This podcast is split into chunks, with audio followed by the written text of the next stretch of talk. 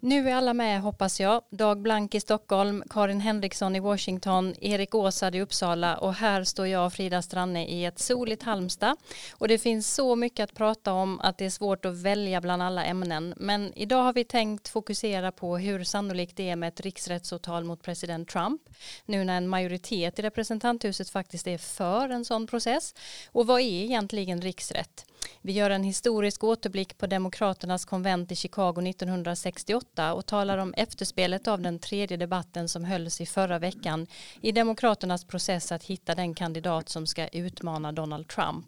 Och så småpratar vi såklart om lite annat. Välkomna att lyssna på ännu ett avsnitt av Amerikanalys-podden. I have a dream that one day this nation will rise up and live out the true meaning of its creed. This is a place where you can make it if you try. This is a country where anything is possible, no matter who you are. We do big things. Together, we represent the most extraordinary nation in all of history. What will we do with this moment? How will we be remembered? Ja, hallå alla mina poddkollegor. Ni är med på telefon som vanligt. Eh, hur har du haft det sen sist, Erik? Bara bra tack. Eh, fortsatt med det jag gör, läser, skriver, föreläser lite grann. Och så det är som vanligt. Det är som vanligt. Och nu är du med här igen i vårt tredje avsnitt. Dag, ja. du ansvarar ju för kurser om USA på Uppsala universitet. Och har de dragit igång för hösten nu och hur ser intresset ut? Finns det studenter som vill ägna hela sin tid åt studier om USA? Svaret på båda frågorna är ja. De har dragit igång och vi har ett gott tillflöde av studenter. Jag undervisar just nu min kurs i amerikansk historia och där är vi ungefär 30 studenter som, som är med i klassrummet och sen har vi ett gäng som är med också i vår onlinekurs. Jättekul att intresset är så högt. Eh, Karin, eh, du är tillbaka i Washington, eh, i alla fall för en, ett kort tag. Har du hämtat dig efter din bokturné i Sverige? ja, det har jag. Det var, det var ju så mycket uppståndelse kring den nya boken om USAs alla presidenter. Och nu ska jag snart åka till bokmässan och prata med om den.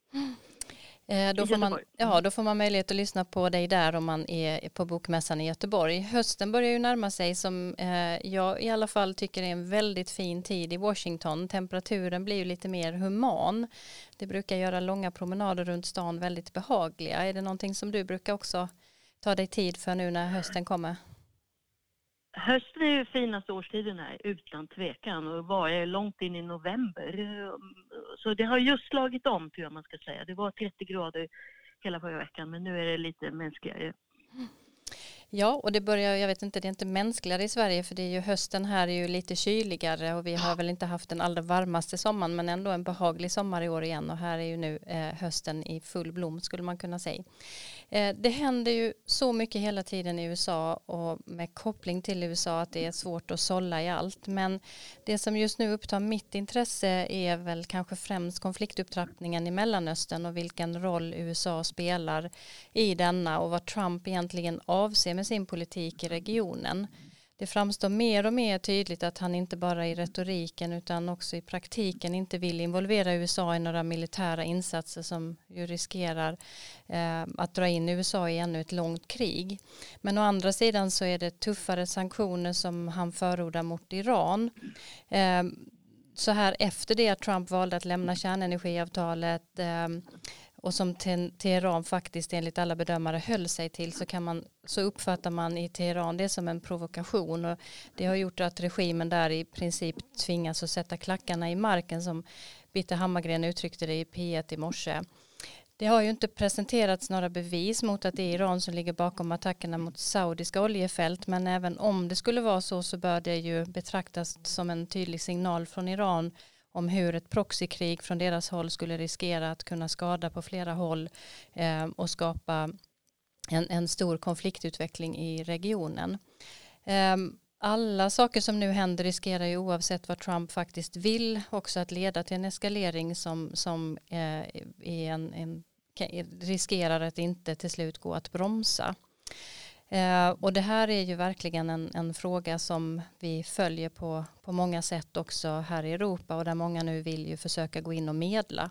Kanske har vi eh, med tanke på eh, att Eh, vi har sett eh, hur regionen på olika sätt har utvecklats de senaste åren faktiskt fått möjliga öppningar till en mer diplomatisk förhandling här eftersom ingen ju vill ha ett långt krig men det är verkligen en situation som eh, just nu är väldigt skakig. Ehm, jag vet inte om ni har någonting speciellt ni vill tillägga i, i denna frågan, men finns det någonting annat annars som, som ni särskilt följer just nu? Erik? Eh, ja, jag tycker jag kan följa upp vad du säger där om just utvecklingen i Mellanöstern. Jag tycker att eh, det är värt att påpeka det att mycket av det vi ser nu eh, faktiskt är en följd av Trump-administrationens politik i området. Vi har ju den misslyckade fredsplanen här som lades fram Eh, tidigare av Jared Kushner, alltså Trumps svärson och som inte har fått stöd av någon part egentligen utanför Israel. Och framförallt Eh, tror jag man måste betona är de här två besluten som Trump själv har drivit hårt. Eh, dels beslutet att flytta USAs Israels ambassad till Jerusalem eh, som ju fick de palestinska ledarna att eh, dödförklara hela fredsprocessen. Och sen det som du nämnde att eh, USA drog sig ur eh, kärnenergiavtalet med Iran och de andra staterna som deltog i det. Jag tror att sammantaget så kan de här besluten ha bidragit starkt till de ökade spänningar som vi ser nu och till den här farliga eskaleringen av våldet i hela regionen. Det är ju känt att eh, Trump har eh, ju själv hela tiden hävdat att han inte vill föra in USA i långdragna konflikter. Samtidigt har han omgett sig av väldigt kända hökar när det gäller just Iranfrågan och som har drivit på runt honom också eh, till exempel när det gäller att dra sig ur Iranavtalet. Så frågan är om, om man har haft, eller det, det, verkar inte som att man har haft en långsiktig strategi av vad det är att dra sig ur Iranavtalet faktiskt skulle kunna leda till och att det är den eskaleringen som vi nu ser. Ja. Vad tror du, Fia, vad tror du att eh, John Boltons avgång som eh, nationell säkerhetsrådgivare, kommer det att innebära någon förändring här? Eh, förmodligen en, en viss förändring därför det är väl en markering från Trump som vi, som vi kan förstå den att han faktiskt inte eh, att han, att han känner sig lite skrämd av utvecklingen och inte vill bli indragen i den här konflikten samtidigt som det ju fortfarande finns kvar andra som jag sa eh, väldigt eh, övertygade eh, personer som vill ha ett regimskifte i Iran och som eh, fortsätter att driva på för det. Men eh, som sagt, jag hoppas att det ser ut ändå som att vi har fått vissa öppningar för eh, en, en diplomatisk dialog på något sätt eftersom ett krig nu skulle ju få förödande konsekvenser för så väldigt många. Någonting annat kort? Ja, ja, jag bara ett PS. Ja, jag har bara ett PS där. Alltså det är intressant också med valutgången i Israel och eh, det senaste nu är då att eftersom då Benjamin Netanyahu i alla fall ännu inte förväntas kunna eh, bilda någon regering så eh, blir det intressant att se hur Donald Trump eh, tittar på det landet. Och eh, hade Netanyahu hade vunnit så hade säkert Trump skrutit om det och sagt att det var tack vare honom. Men nu är han väldigt kall i tonfallet. Det är intressant tycker jag. Mm. Jätteintressant. Eh, vi lär få anledning att komma tillbaka till detta. Vi hoppas i alla fall ju på att eh, eh, vi inte ser en, en alltför stark eskalering av det som just nu pågår. Nu går vi vidare till veckans historia.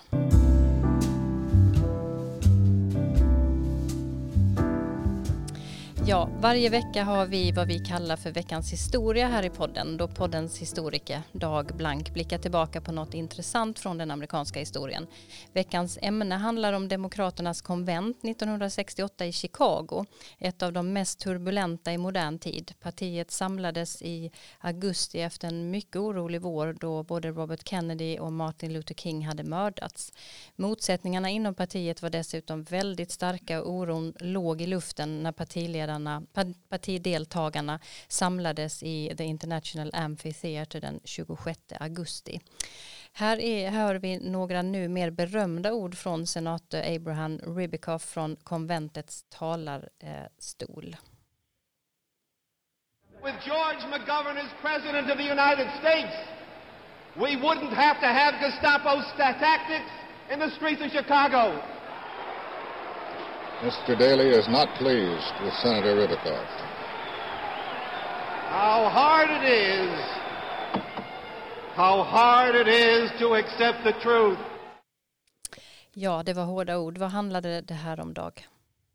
Det här handlade om de stora demonstrationer och de stora polisaktioner som pågick i Chicago mitt under det demokratiska konventet.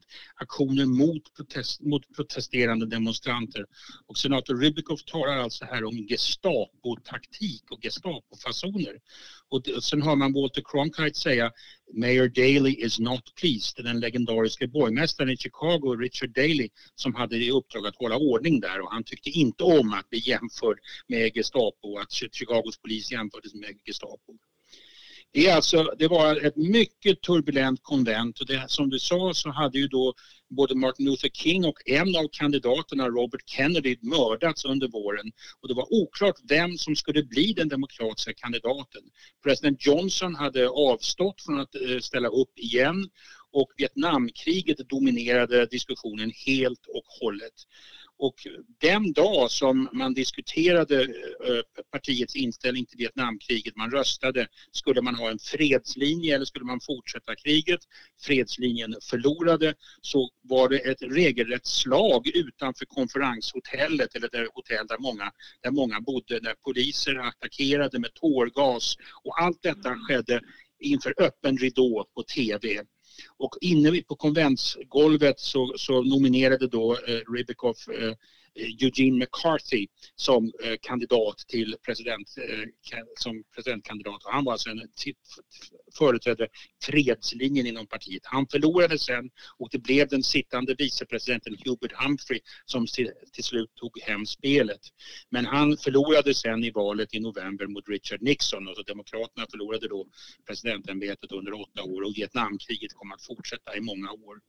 Och man menar också att på grund av detta kaos som rådde i Chicago under konventet, det bidrog starkt till att republikanerna kunde ta hem valet. Man kunde peka på mm. den oro och de problem som fanns och lag och ordning skulle nu med, med Richard Nixon återställas.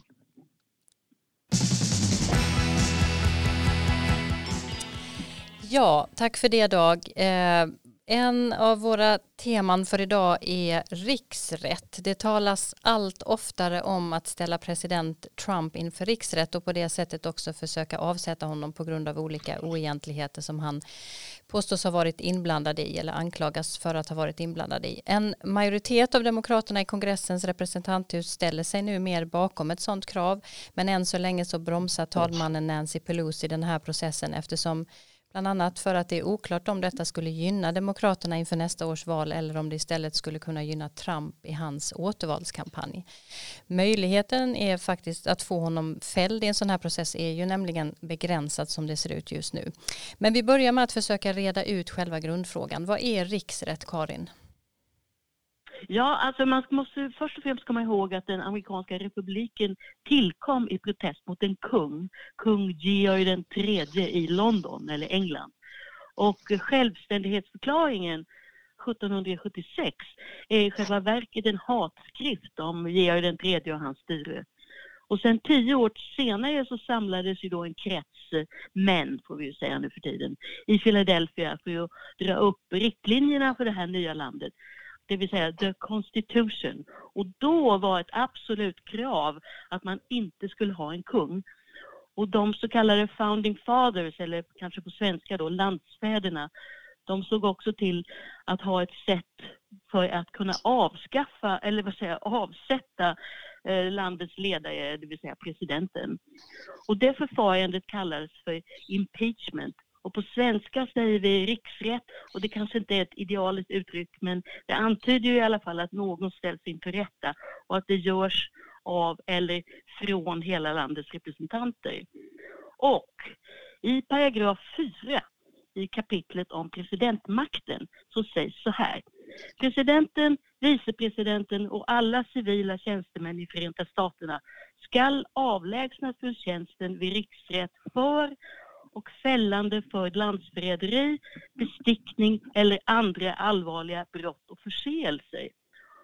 Och det sistnämnda det heter crimes and misdemeanors på engelska, men det har aldrig definierats vad som utgör crimes and misdemeanors och det är ett problem här. Det finns ju ett begrepp till som dyker upp eh, även i domstolsfall mot Donald Trump. Eh, uttalas det eh, emoluments, eller hur säger man det? Just det, emoluments. Eh, och här handlar det om paragraf 9 i, i kapitlet om kongressens eh, makt och befogenheter. Och där sägs att ingen person som innehar avlönad tjänst eller förtroendepost under dem ska utan kongressens godkännande ta emot gåvor, inkomster, tjänst eller titel av något slag från någon kung, prins eller utländsk nation. Och det här kallas då som sagt emoluments clause och det syftade till att stoppa utländska makter från att påverka den amerikanska staten. Och Donald Trumps kritiker, de menar att han bryter mot detta så gott som varenda dag.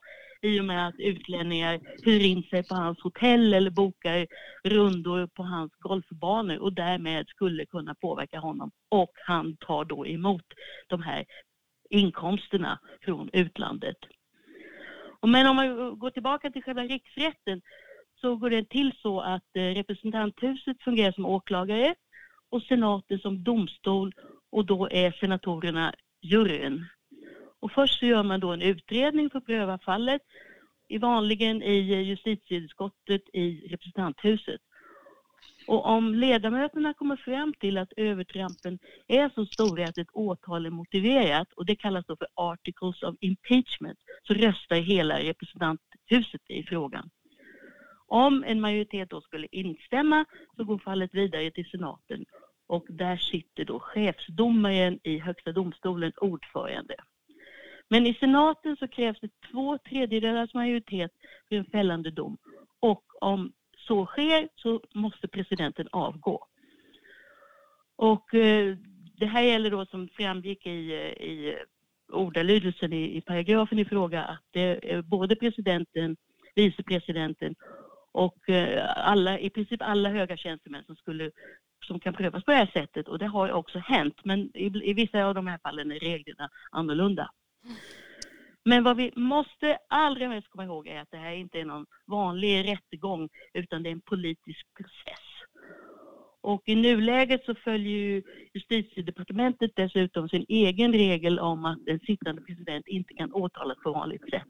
Det ingick i den så kallade specialåklagaren Robert Muellers överväganden i utredningen av Trumps kampanjs eventuella samröre med ryska intressen.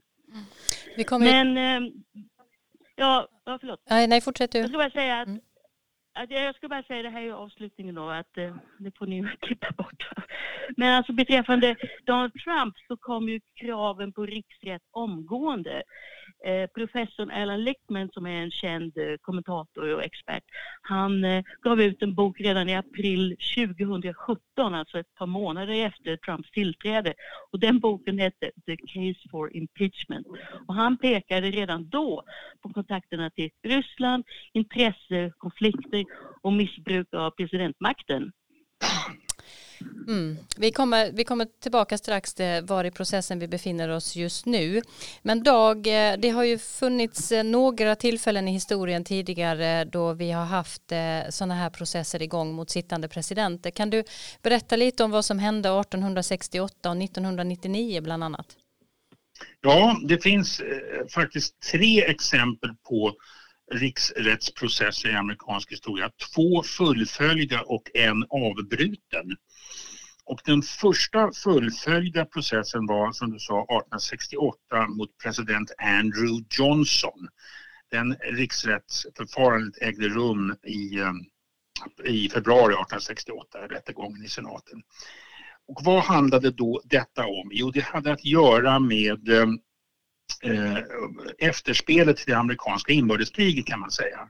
Andrew Johnson hade varit president Lincolns vicepresident och han hade då tillträtt till presidentämbetet efter mordet på Lincoln i april 1865, bara några dagar efter att sydstaterna hade kapitulerat via Appomattox och, och inbördeskriget var över. Och frågan för honom, som också hade varit en fråga för Lincoln, var hur man skulle återskapa den amerikanska unionen. den hade ju splittrats som ett resultat av inbördeskriget. Ett antal sydstater hade utträtt och bildat the Confederate States of, of America, alltså konfederationen, sydstatskonfederationen. Nu var den, hade den förlorat och de skulle återinträda i unionen på något sätt. Hur skulle det gå till? Det är det som i amerikansk historia kallas för re, the reconstruction era, alltså rekonstruktionsperioden när man rekonstruerar unionen. Och där fanns det två linjer, en hård och en mjuk linje. Eh, Lincoln själv och Andrew Johnson företrädde en mera mjuk linje. Att man skulle, Lincoln menade till exempel faktiskt att sydstaterna formellt aldrig hade lämnat unionen så att det var eh, lättare att återinföra dem då. Han hade en mera förlåtande, skulle man kunna säga. Till exempel så utfärdades det amnesti, han förespråkade amnesti och det utfärdade också hans efterträdare president Johnson för, de, för många sydstater utom för de allra högsta militärerna och funktionärerna sydstaternas egendom, utom slavarna då förstås, för slaveriet hade ju upphört, eh, de skyddades. Vad som ställdes krav på, på de, nya, på de gamla delstaterna, sydstaterna, var att de skulle acceptera de tre tillägg till konstitutionen som antogs efter inbördeskriget. Där bland annat slaveriet förbjöds och de svarta garanterades rösträtt. Men det var en, en sorts mjukare linje som även president Johnson gick på. Och han kom snabbt i konflikt med de så kallade radikala republikanerna i kongressen som gick på en hårdare linje som tyckte att man skulle eh, kontrollera sydstaterna mycket mer på, på olika sätt. Och de hade vunnit kongressvalet 1866, de radikala republikanerna, med en ve vetosäker majoritet. Så de antog ett antal lagar som presidenten, eh, som presidenten inlade sitt veto mot men de kunde eh, förhindra detta veto i och med att de hade så stor majoritet i kongressen. Och en av de här lagarna som antogs kallas för The Office of Tenure Act. Den antogs 1867. Den handlade helt enkelt om att presidenten inte kunde avskeda sina ministrar utan senatens godkännande. Senaten ska ju godkänna de ministrar som presidenten utser som presidenten nominerar. Men här handlar det också om att när man avskedade någon så skulle senaten få eh, godkänna det. Och de radikala republikanerna var mycket oroade för att han skulle avskeda president Johnson den krigsminister, Minister of War, som han hade ärvt från Lincoln, nämligen Edward Stanton.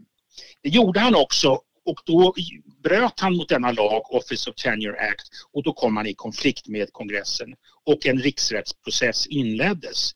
Eh, I mars eh, 1868 började riksrätten.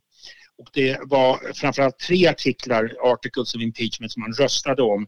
Det handlade just om att han hade avskedat Stanton utan senatens godkännande. Dessutom fanns det en artikel som sa att han hade dragit vanära över presidentämbetet.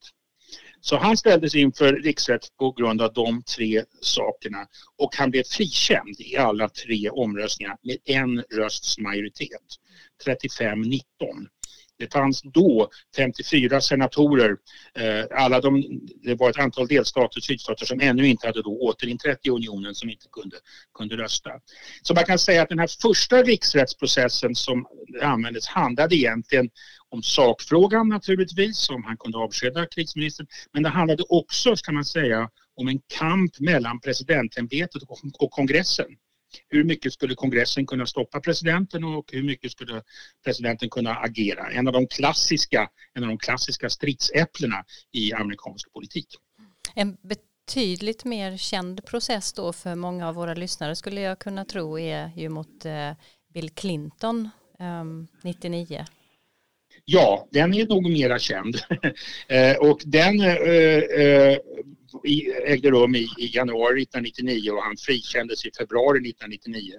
Den växte ut ur den så kallade Whitewater-affären eh, som var en fastighetsaffär i Arkansas där det framfördes anklagelser mot Bill och Hillary Clinton som ledde till att en speciell åklagare utseddes. Och i den drogs också ett antal andra fall in där man menade att presidenten hade begått felaktigheter, missbrukat sin makt. Eh, bland annat den stämning som Paula Jones hade inlämnat mot, mot Clinton medan han fortfarande var guvernör faktiskt i Arkansas. De handlade om sexuella trakasserier. Och som en del av den affären så framkom det att det fanns hemliga bandinspelningar mellan presidenten och en praktikant i Vita huset, Monica Lewinsky.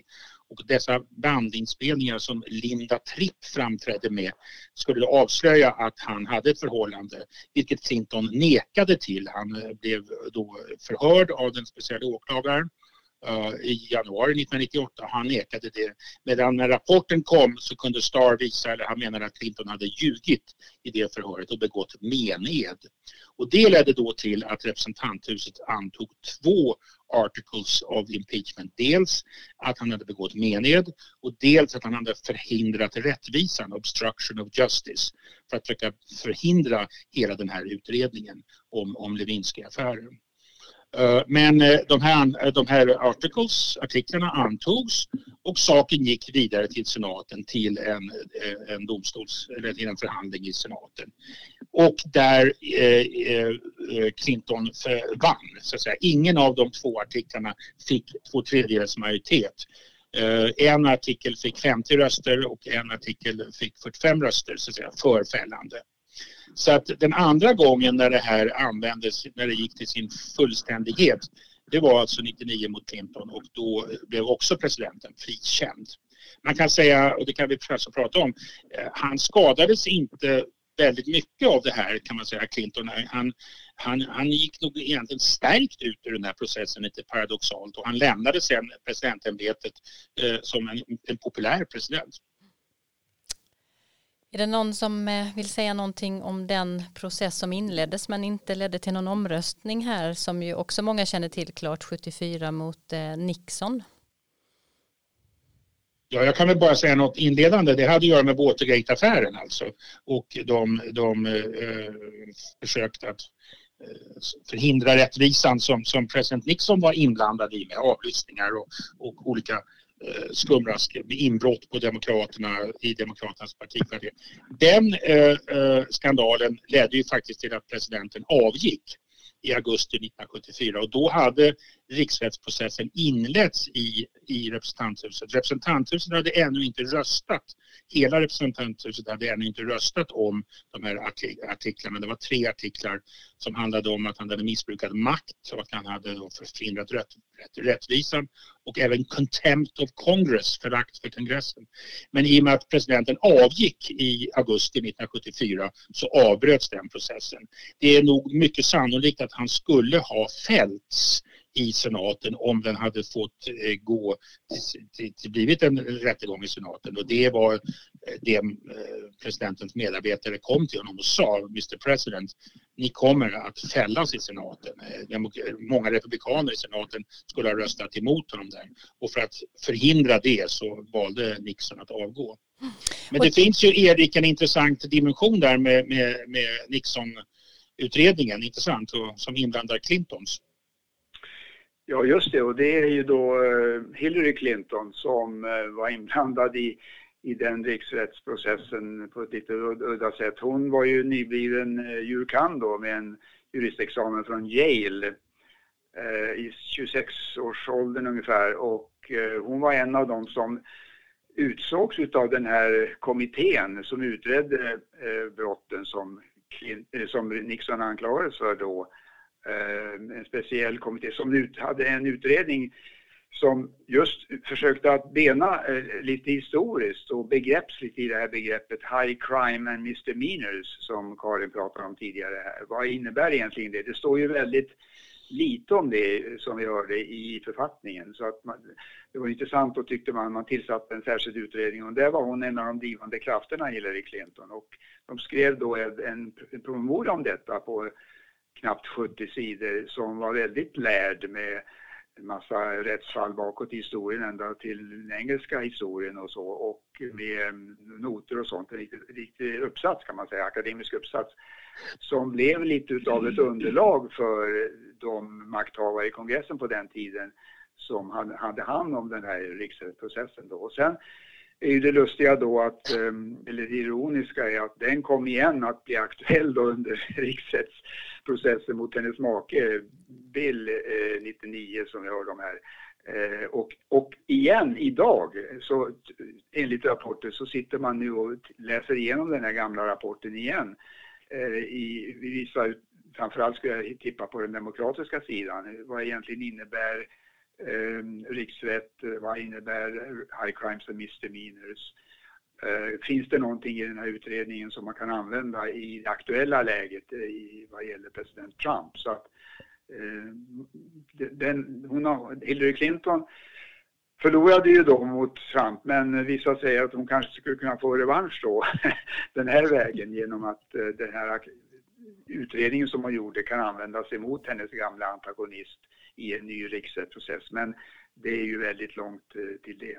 Ja, men då kommer vi ändå till eh, frågan eh, var i processen i riksrättsfrågan som vi befinner oss just nu. Kommer det att, att bli en sån här, ett riksrättsåtal väckas mot president Trump? Det är ju som, som Karin nämnde här innan jätteviktigt att förstå att detta är en politisk process. Eh, vad säger du Karin, hur, hur, hur är läget just nu? Ja, alltså som, som, som du sa själv eh, inledningsvis så passerades en milstolpe här om veckan. Eh, över hälften av de demokratiska ledamöterna i representanthuset uttalade sig för riksrätt.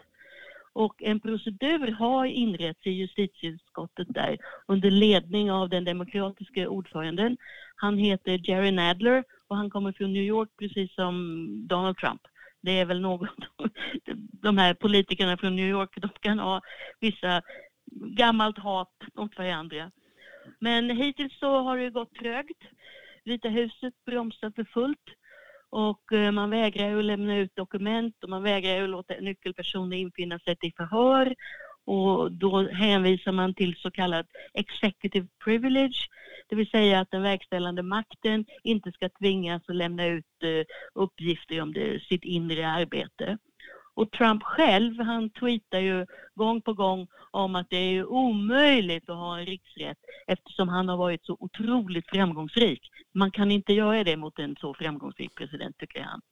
Men som sagt, eh, utskottet de har tentaklerna ute och de granskar då Trumps eventuella hindrande av rättvisan, det här begreppet som kommer igen om och om, om igen, alltså obstruction of justice, hans affärer och skatter och sånt som kanske ter sig lite udda för oss svenskar, men liksom rutinerna när det gäller säkerhetskontrollerna eh, eh, av de som ska jobba i Vita huset. Det gäller bland annat både dottern och svärsonen. Men eh, det är inte bara Vita huset som bromsar utan även republikanerna i kongressen. Eh, de är ju inte för detta och demokraterna har ju inte heller tillräckligt många röster som krävs på, e på egen hand så att säga. De skulle behöva stöd från republikanerna. Och eh, då kan man säga att å ena sidan så innebär ju det här då att eh, Demokraterna ser till att Trumps beteende belyses hela tiden. Men å andra sidan är det riskfyllt, alltså folk kan tröttna på alltihopa och eh, utredningarna kan liksom antingen då börja försvinna i flödet eller, eller betraktas som en, en politisk hämnd mot eh, Trump snarare än det det då skulle handla om, alltså att, det, att han har missbrukat makten eller han eh, har fuskat. Och det är då talmannen Nancy Pelosi som kommer få sista ordet. Men hon har hela tiden motsatt sig riksrätt. Hon, hon menar att det skulle vara uppslitande för samhället och hon är då också i allra högsta grad medveten om att det i alla fall inte just nu finns eh, tillräckligt många röster i senaten för en fällande dom. För de, där är ju då, det har vi sett, republikanerna väldigt lojala mot Trump och de senatorer som var kritiska till en början, de har ju försvunnit. De ställde inte upp för omval. Och allmänheten är inte heller för det. Så det, det, det, det, Demokraterna har uppförsbacke, de befinner sig i en uppförsbacke. Hur ska de liksom se till att få det här gjort? För tiden rinner ut, det är ju snart valår och alla ledamöterna där, de tänker naturligtvis på sitt eget skinn nu. De vill ju bli omvalda. Mm, ja, precis. Det är väldigt kort tidsrymd som återstår fram till, till eh, att valprocessen ju drar igång på allvar. Eh, Erik, vilken strategi har Demokraterna haft hittills när det gäller riksrätten som vi ser nu?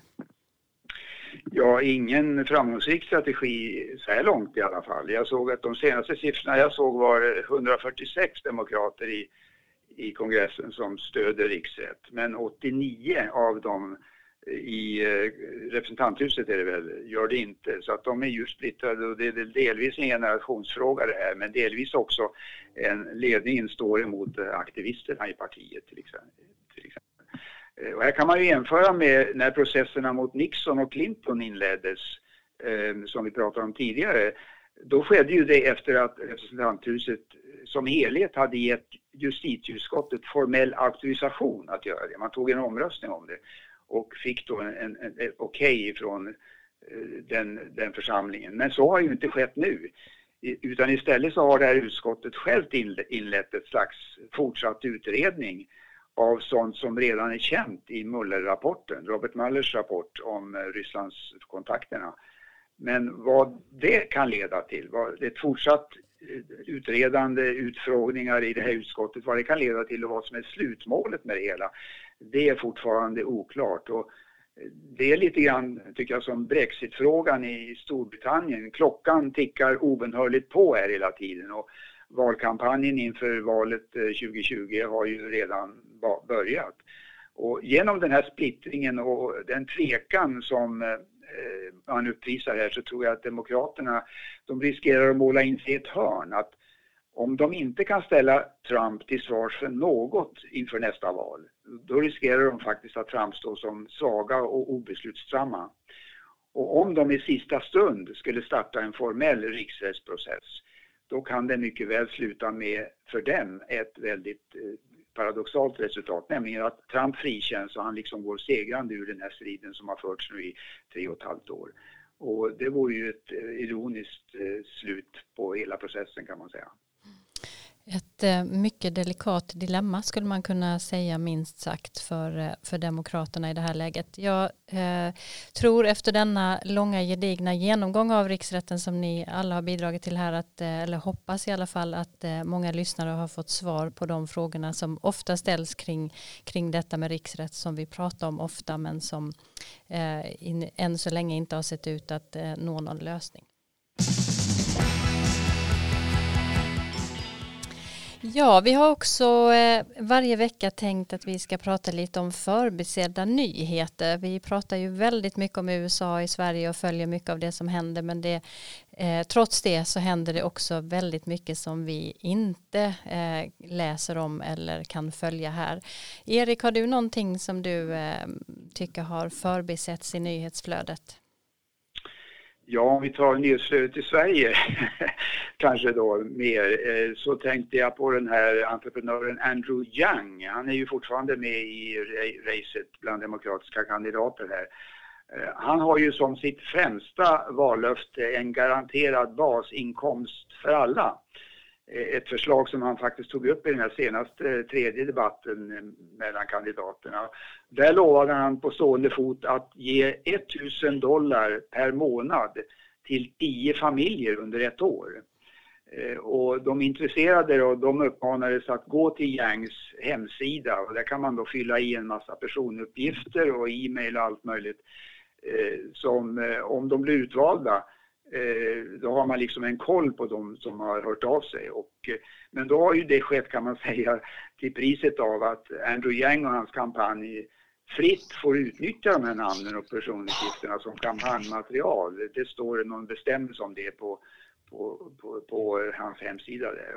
Och hur, det, hur hela det här eh, löftet skulle kunna finansieras och fungera på nationell nivå, det har han ju inte specificerat och jag tror att man kanske inte ska se det här förslaget som särskilt seriöst utav en kandidat som räknar med att faktiskt bli vald till presidentkandidat utan mer som ett tidstypiskt sätt att, eh, för en smart person som han eh, onekligen är, att skaffa sig PR då i en i en värld som eh, är fylld av, vad säger man, influencers och youtubers. Mm. Ja, det jag har uppmärksammat är kanske inte att betrakta som en förbisedd nyhet utan mer som ett intressant fenomen som jag tycker kanske att man borde tala lite mer om. Och det gäller hur allt fler offentliga personer och nu i den här processen att ta fram kandidater glider på sanningen och verkar förhålla sig till den på ett eh, betydligt mer flexibelt sätt än tidigare. Joe Biden har till exempel haft bortförklaringar om att detaljer inte är så viktiga när något har blivit fel i hans uttalande. Och vi, har, vi såg i veckan, jag vet inte om ni har, tre har sett den, men en, en väldigt intressant reklamkampanj från Valerie Plame som är tidigare CIA-agent och vars identitet avslöjades under dramatiska former under Bush-administrationen 2002 eller 2003. Eh, hon ska nu kandidera till representanthuset nästa år i ett distrikt i New Mexico. Och hennes kampanjfilm som jag verkligen tycker att ni ska söka på och titta på för den innehåller en rad intressanta saker. Men den faktagranskades också bland annat Washington Post som ifrågasatte flera sakargument i den här reklamfilmen. Och det känns lite som att i det medieflöde vi lever i numera att det blivit lättare att glida just på sanningen för att man vet att man når ändå ut med sitt budskap till berörda och att det eh, om det uppstår någon, någon snackis om eventuella felaktigheter så blåser det över ändå och man kan ta ta nya tag. Eh, vi kan få, eh, få anledning att återkomma till det eh, när det gäller olika eh, kampanjlöften och hur eh, de olika kandidaterna också eh, pratar om olika frågor framöver. Men nu ska vi prata om Demokraternas senaste debatt. Ja, förra veckan så var det dags för den tredje debatten mellan Demokraternas presidentkandidater. Den här gången så var det de kandidater som kvalificerat sig i opinionsmätningarna. Eh, det blev då bara en debatt och den genomfördes av ABC, i ett upplägg som åtminstone jag tyckte var väldigt bra och väl utfört av moderatorerna. Eh, jag tyckte att det blev eh, tydligare hur kandidaterna skiljer sig åt och att det fanns tid för meningsutbyten och för var och en att ge sin bild av olika sakfrågor. Eh, jag uppfattade som att flera av kandidaterna gjorde bra ifrån sig och att det faktiskt öppnade för fler kandidater att ta sig in i den här matchen på lite längre sikt. För många måste ju fortfarande göra sig själva kända för den allmänna publiken till skillnad från Biden, Sanders och Warren som ju redan är välkända för väldigt många. Jag vet inte vad ni, ni övriga tre tyckte om debatten men hur har det sett ut i opinionsmätningarna efter och, och hur skulle ni förklara det eh, hur det ser ut nu med utgångspunkt i det och hur det förlöpte. Karin, har du några tankar kring det? Ja, kort. Alltså, de flesta tyckte väl kanske att det inte fanns några särskilda vinnare eller förlorare då i debatten och att de var mer kollegiala än vad de var de tidigare. Och det lär ju ändras när, närmare valet vi kommer. Men eh, det verkar ju som om eh, Elizabeth Warren, då, senatorn från Massachusetts, befinner sig på ett liksom, uppåtglidande skala medan då Bernie Sanders nedåtgående. Och det är ju det är de två som då representerar vänsterflygeln så det blir spännande. Och Joe Biden, ja han hänger kvar tror jag de flesta säger. Ledningen, han ligger i ledning men... Punkt, punkt, punkt. Mm. Jag tycker också att en kandidat som, som har utvecklat en, en tydlig stil och som verkar gå hem, precis som du sa, eh, är just Elizabeth Warren. Hon har blivit väldigt kraftfull i sina politiska budskap och har en, liksom en, en attityd också i sina kampanjer när man följer henne på sociala medier som, som verkar gå hem. Och för något år sedan uppfattade jag henne mer som ganska färglöst och hon gjorde några fadäser som, som skapade en negativ spiral runt om henne. Men nu är hon ju den kandidat som du sa Karin som, som lyckas i debatterna och med sin kampanj. Var någonting annat som förklarar Warrens eh, stadiga framryckning? Vad, vad tror du Erik? Ja, jag tror förutom debatterna, hon är ju väldigt sakorienterad och koncis när hon debatterar. Och man ser att hon har stått i talarstolen länge, hon är ju gammal universitetsprofessor. Eh, så tror jag att vad som förklarar hennes framgångar är att hon är så oerhört eh, sakorienterad. Alltså, jag tror att Demokraterna vill inte bara ha någon som kan slå trams som man ofta hör, utan också en som faktiskt har politik på hel, politikens hela fält och det har ju hon det här mantrat, eh, jag har en plan för både det ena och det andra och hon fortsätter ju med det. Hon, häromdagen kommer kom ju med en, eh, en ny plan för hur man ska tackla korruptionen i Washington till exempel. Mycket detaljerade saker, det är liksom 10-20 punktsplaner hela tiden. Ehm, och sen har hon en närhet till sina fans eller anhängare. Man, som ingen annan har. Jag såg att efter det här senaste valmötet hon hade i New York, där det var över 10 000 personer som kom, så stod hon efteråt, efter talet som varade ungefär en knapp timme, så stod hon i fyra timmar och tog selfies med alla som ville ta selfies med henne på scenen. Och det har hon tydligen genomfört som en strategi nu genomgående efter alla sina valmöten. Att ha. Och det, det tror jag är någonting som liksom cementerar den här nära kopplingen som hon har till sina fans. Jag som tror... verkligen ser upp till henne, ungefär som en rockstjärna. Ja, jag tror till och med om det var Washington Post som skrev om att det här var selfien Selfins eh, valår eh, och det kanske ligger någonting i det. Men eh, hon, Bernie Sanders har ju också en stor en, en valstab. Han har en väldigt entusiastisk väljarkår. Han var framgångsrik förra valet då, eller valprocessen 2016. Vem av de två blir den främsta utmanaren mot Biden? Karin?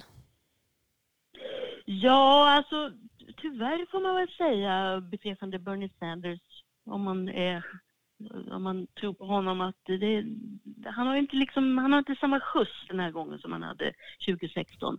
Och det, han har ju befunnit sig i en ganska otacksam roll. Han har ju varit liksom katalysator för de här vänstervindarna. Eh, men han har, han har samma problem nu som han hade då i och för sig. Att han inte riktigt når fram till minoritetsgrupperna och att han är liksom mer geografiskt liksom intressant i storstäderna och han har liksom ingen bäring ute i de här röda republikanska delstaterna. För därför, e, även i dem finns det ju fickor av liksom blåa områden, det vill säga demokrater, eh, dem, demokratiskt dominerade storstäder. Så det, ja det, och han är ju dessutom några år äldre till och med än Elizabeth Warren och det kanske märks den här gången. När tror ni att de kommer att bli tvungna att börja mer eh, ställa sig själva mot varandra? De slåss ju delvis om, om samma väljare. De har ju en väldigt god ton nu och det får man ju säga karaktäriserade hela den här debatten eh, och eftersnacket framförallt efteråt när man såg intervjuerna i ABC så var det ju många av kandidaterna som kramade om varandra och berömde varandras insatser och i, i synnerhet Bernie Sanders och Elizabeth Warren talar ju varmt om varandra men de kan ju inte fortsätta med det i all oändlighet väl. Vad, vad, vad tror du om det Erik? När kommer vi att få se en, en lite tuffare match mellan dem? Ja, det sker väl lite. Jag tycker vi har sett det, kanske inte just i den här senaste debatten, men lite tidigare. Och när de inte debatterar, när de är ute på valmöten så kan de ju ha lite förtäckt kritik mot varandra. Men naturligtvis kommer detta att öka nu efterhand och ju längre vi kommer, ju närmare vi kommer Iowa-valet här i efter årets årsskiftet så kan man ju räkna med att eh, de kvarvarande kandidaterna, och då kanske det bara är en handfull kvar, kommer att gå åt varandra ganska hårt eh, vid den tidpunkten. Mm. Dag, du är ju egentligen mest historiskt intresserad men har ju på olika sätt fått delta och kommentera politik de senaste åren. Kan du se någon av de övriga kandidaterna som kan få ett genombrott och bli en seriös utmanare mot de här tre som ju ligger i topp i olika opinionsmätningar? Ja, det finns nog möjlighet eh, för olika kandidater. Alltså Pete Buttigieg, han hade ju en, en uppgång här i början på säsongen och har lite stannat av nu men, men ligger ju fortfarande kvar på en relativt, han är väl liksom den nästa, bland nästa gruppen så att säga. Han är nog man ska nog inte skriva av honom, han har ju ett mellanvästerns stöd och jag, jag tillhör ju de som tror att mycket av det här valet kommer ändå att avgöras i de lite klassiska delstaterna i mellanvästern och där det talar lite grann till, till hans fördel. Den som har förvånat mig lite grann att han inte har, ändå har gått bättre är ju faktiskt Cory Booker som borde vara en, en stark kandidat för många av de här kandidaterna som vi har talat om, både Warren och, och, och Sanders, en av deras eh, problem är, ett av deras problem är stödet bland de svarta väljarna och det, där har ju Biden ett, ett ordentligt försteg och Warren kämpar med det och Biden kämpade ju med det som vi kommer ihåg eh, 2016 ordentligt. Skulle även, även Buttigieg har ju, har ju den, den problematiken. Eh, Joe Biden som ju trots allt är den kandidat fortfarande som eh, har ett ganska stort försprång i opinionsmätningarna även om, om Elizabeth Warren just nu knappar in något. Eh, hur problematiska är egentligen hans olika svagheter? Jag tänker då på grodor som kan hoppa ur hans mun och osammanhängande svar ibland, eh, eh, hans höga ålder och så vidare. vad, vad säger du Karin om, om det?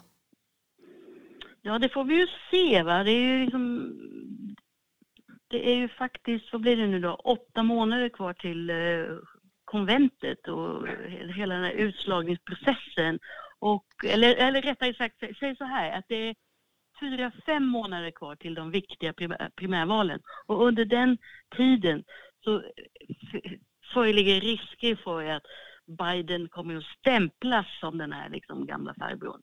Och det och man kommer att gräva och gräva och gräva. Och, och om, om, om, han plötsligt då framstår som svag så kommer liksom medierna att suga sig fast ännu mer i det. Och då kan den här bilden av Biden stärkas. Och å andra sidan då så är han ju en, en skicklig, lång, mång, mångårigt erfaren kongresspolitiker. Och han försöker själv då säga att jag kan förhandla med Republikanerna, för jag, jag är den enda som kan det och det kanske han är. Så det, det gäller ju för honom också. Och, Men är det, är det det Demokraterna vill, vill ha i år? Vill de ha en som förhandlar med Trump? Det är det som är frågan. Nej, jag menar nu Republikanerna i kongressen. Va? Liksom, ja, eh, jag tänkte på primär, primärvalsväljarna. Tänkte på. Nej, nej, men jag menar nu, jag tänker längre framåt, liksom, om han ja. nu blir kandidaten. Ja. ja, vad säger du om Joe Bidens eh eh, möjligheter framåt, Erik. Jag vet du har påpekat flera gånger att det är lång väg kvar och, och favoriter ja. har ju fallit ihop tidigare. Ja, det har han verkligen gjort. Jag tror att hans stöd nu som man ser och som har gått ner lite grann men fortfarande är, är ganska högt, är, är, är brett men inte så särskilt djupt. Och jag tror att hans svagheter är frapperande måste jag säga. Jag, Eh, jag, jag, har ju följt honom under må, många år här. Han har ju faktiskt varit verksam politiskt eh, på, när, på lite lägre, olika nivåer. I 50 år var det någon som räknade ut. Och det, ja, eh, om man jämför med när han, 2008 minns jag när han ställde upp då eh, och stred med Clinton och Obama. Då var han betydligt skarpare och mer alert och han var liksom offensiv och hade alla sakfrågorna på sina fem fingrar. Eh, nu när man ser honom i debatter på valmöten också och när han håller formella tal så är det en väldigt, jag tycker han ser försvagad ut eller om det bara är åldern, jag vet inte.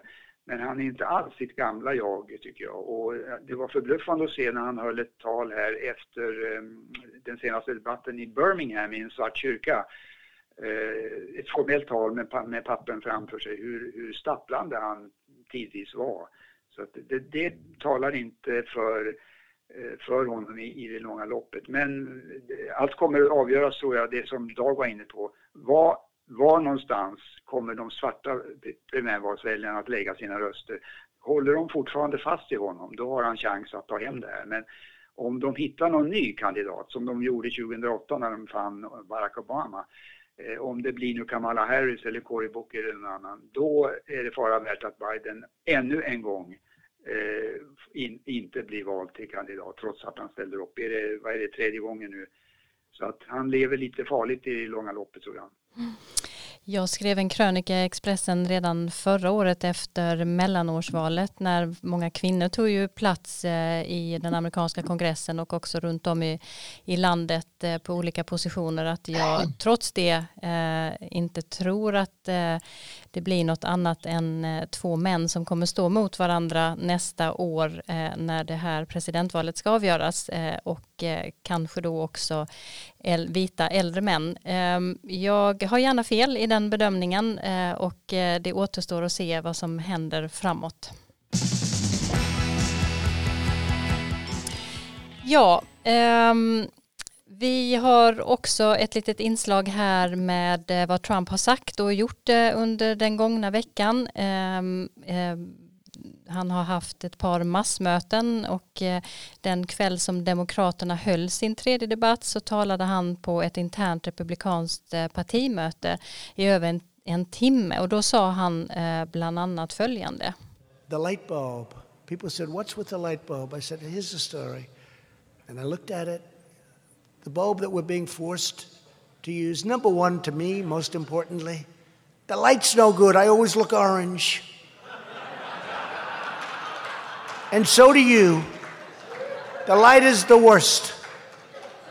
But number two, it's many times more expensive than that old incandescent bulb that worked very well.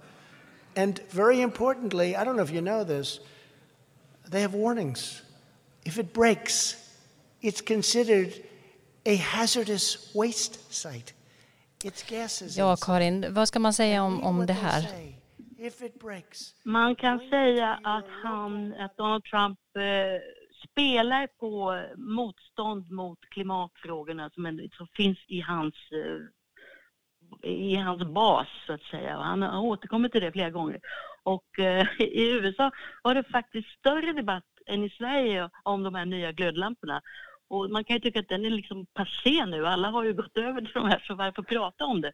Men det visar väl igen då att, att han har en, en förmåga att vända sig till folk om, om sånt som de tyckte det var fel, för det tyckte de ju. Varför ska vi byta glödlampor?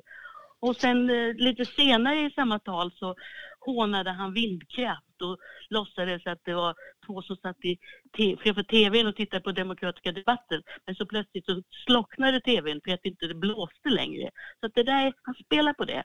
Och det är ju, ja, det är, är, och återspeglar ju också hans egen syn på klimatfrågorna. Och klimatfrågorna är ju faktiskt eh, denna veckan inte minst eh, eh, på tapeten. Greta Thunberg befinner sig i USA och har pratat på olika håll, till och med i den amerikanska kongressen ju. Och ehm, vad säger ni generellt sådär? Tror ni att klimatfrågan kommer att hålla i sig och vara en viktig valfråga nästa år? Har du någon tanke kring det Karin? Ja, det tror jag. Alltså Demokraterna måste ju lyfta fram den och sen det finns ju också opinionsmätningar som visar att folk i allmänhet är mycket mer bekymrade och intresserade än vad Trump-administrationen är.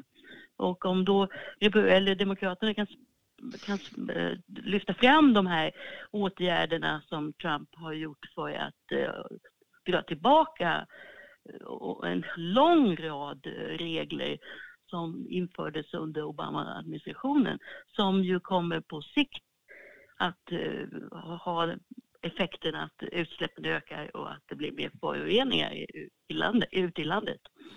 En liten kort omröstning då. Vad tror ni andra? Dag, eh, ja eller nej, kommer klimatfrågan att vara viktig i valet? Ja. Och Erik? Eh, ja, men inte dominerande. Jag tror också faktiskt att eh, klimatfrågan eh, kommer att eh, vara viktig men eh, kanske också som Erik eh, inte dominerande. Ja, vi har kommit till slutet av det här avsnittet. Eh, jag frågar er som jag har gjort tidigare här vad ni ser fram emot tills nästa gång vi hörs om två veckor från idag. Vad håller ni utkik över? Vad är på gång? Dag, vad har du i, i, din, i ditt kikarsikte?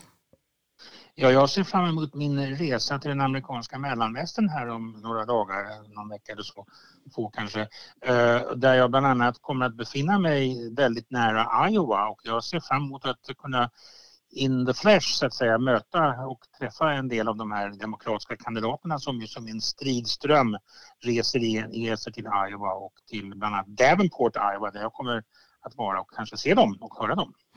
Erik, vad ser du fram emot?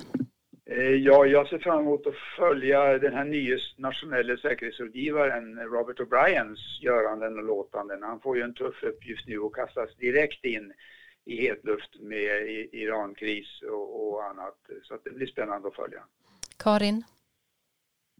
Ja, jag säger samma sak som jag sa förra gången och säkert kommer att säga igen. Jag tycker frågan om Kina och handelskriget den har ju nu kommit i skymundan då på grund av allt annat som händer. Men, men tullarna, eh, en del av tullarna är ju kvar och själva principfrågan huruvida då amerikanska företag ska lämna Kina vidare, det är ju, nu, det är ju någonting som pågår.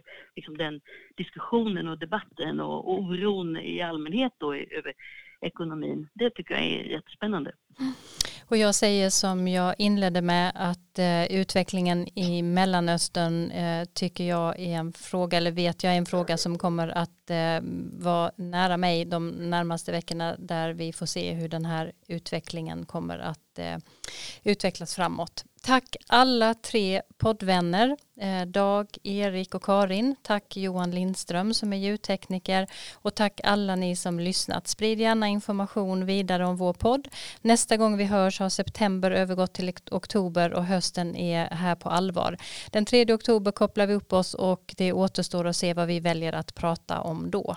I have a dream that one day this nation will rise up and live out the true meaning of its creed. This is a place where you can make it if you try. This is a country where anything is possible, no matter who you are. We do big things. Together, we represent the most extraordinary nation in all of history. What will we do with this moment? How will we be remembered?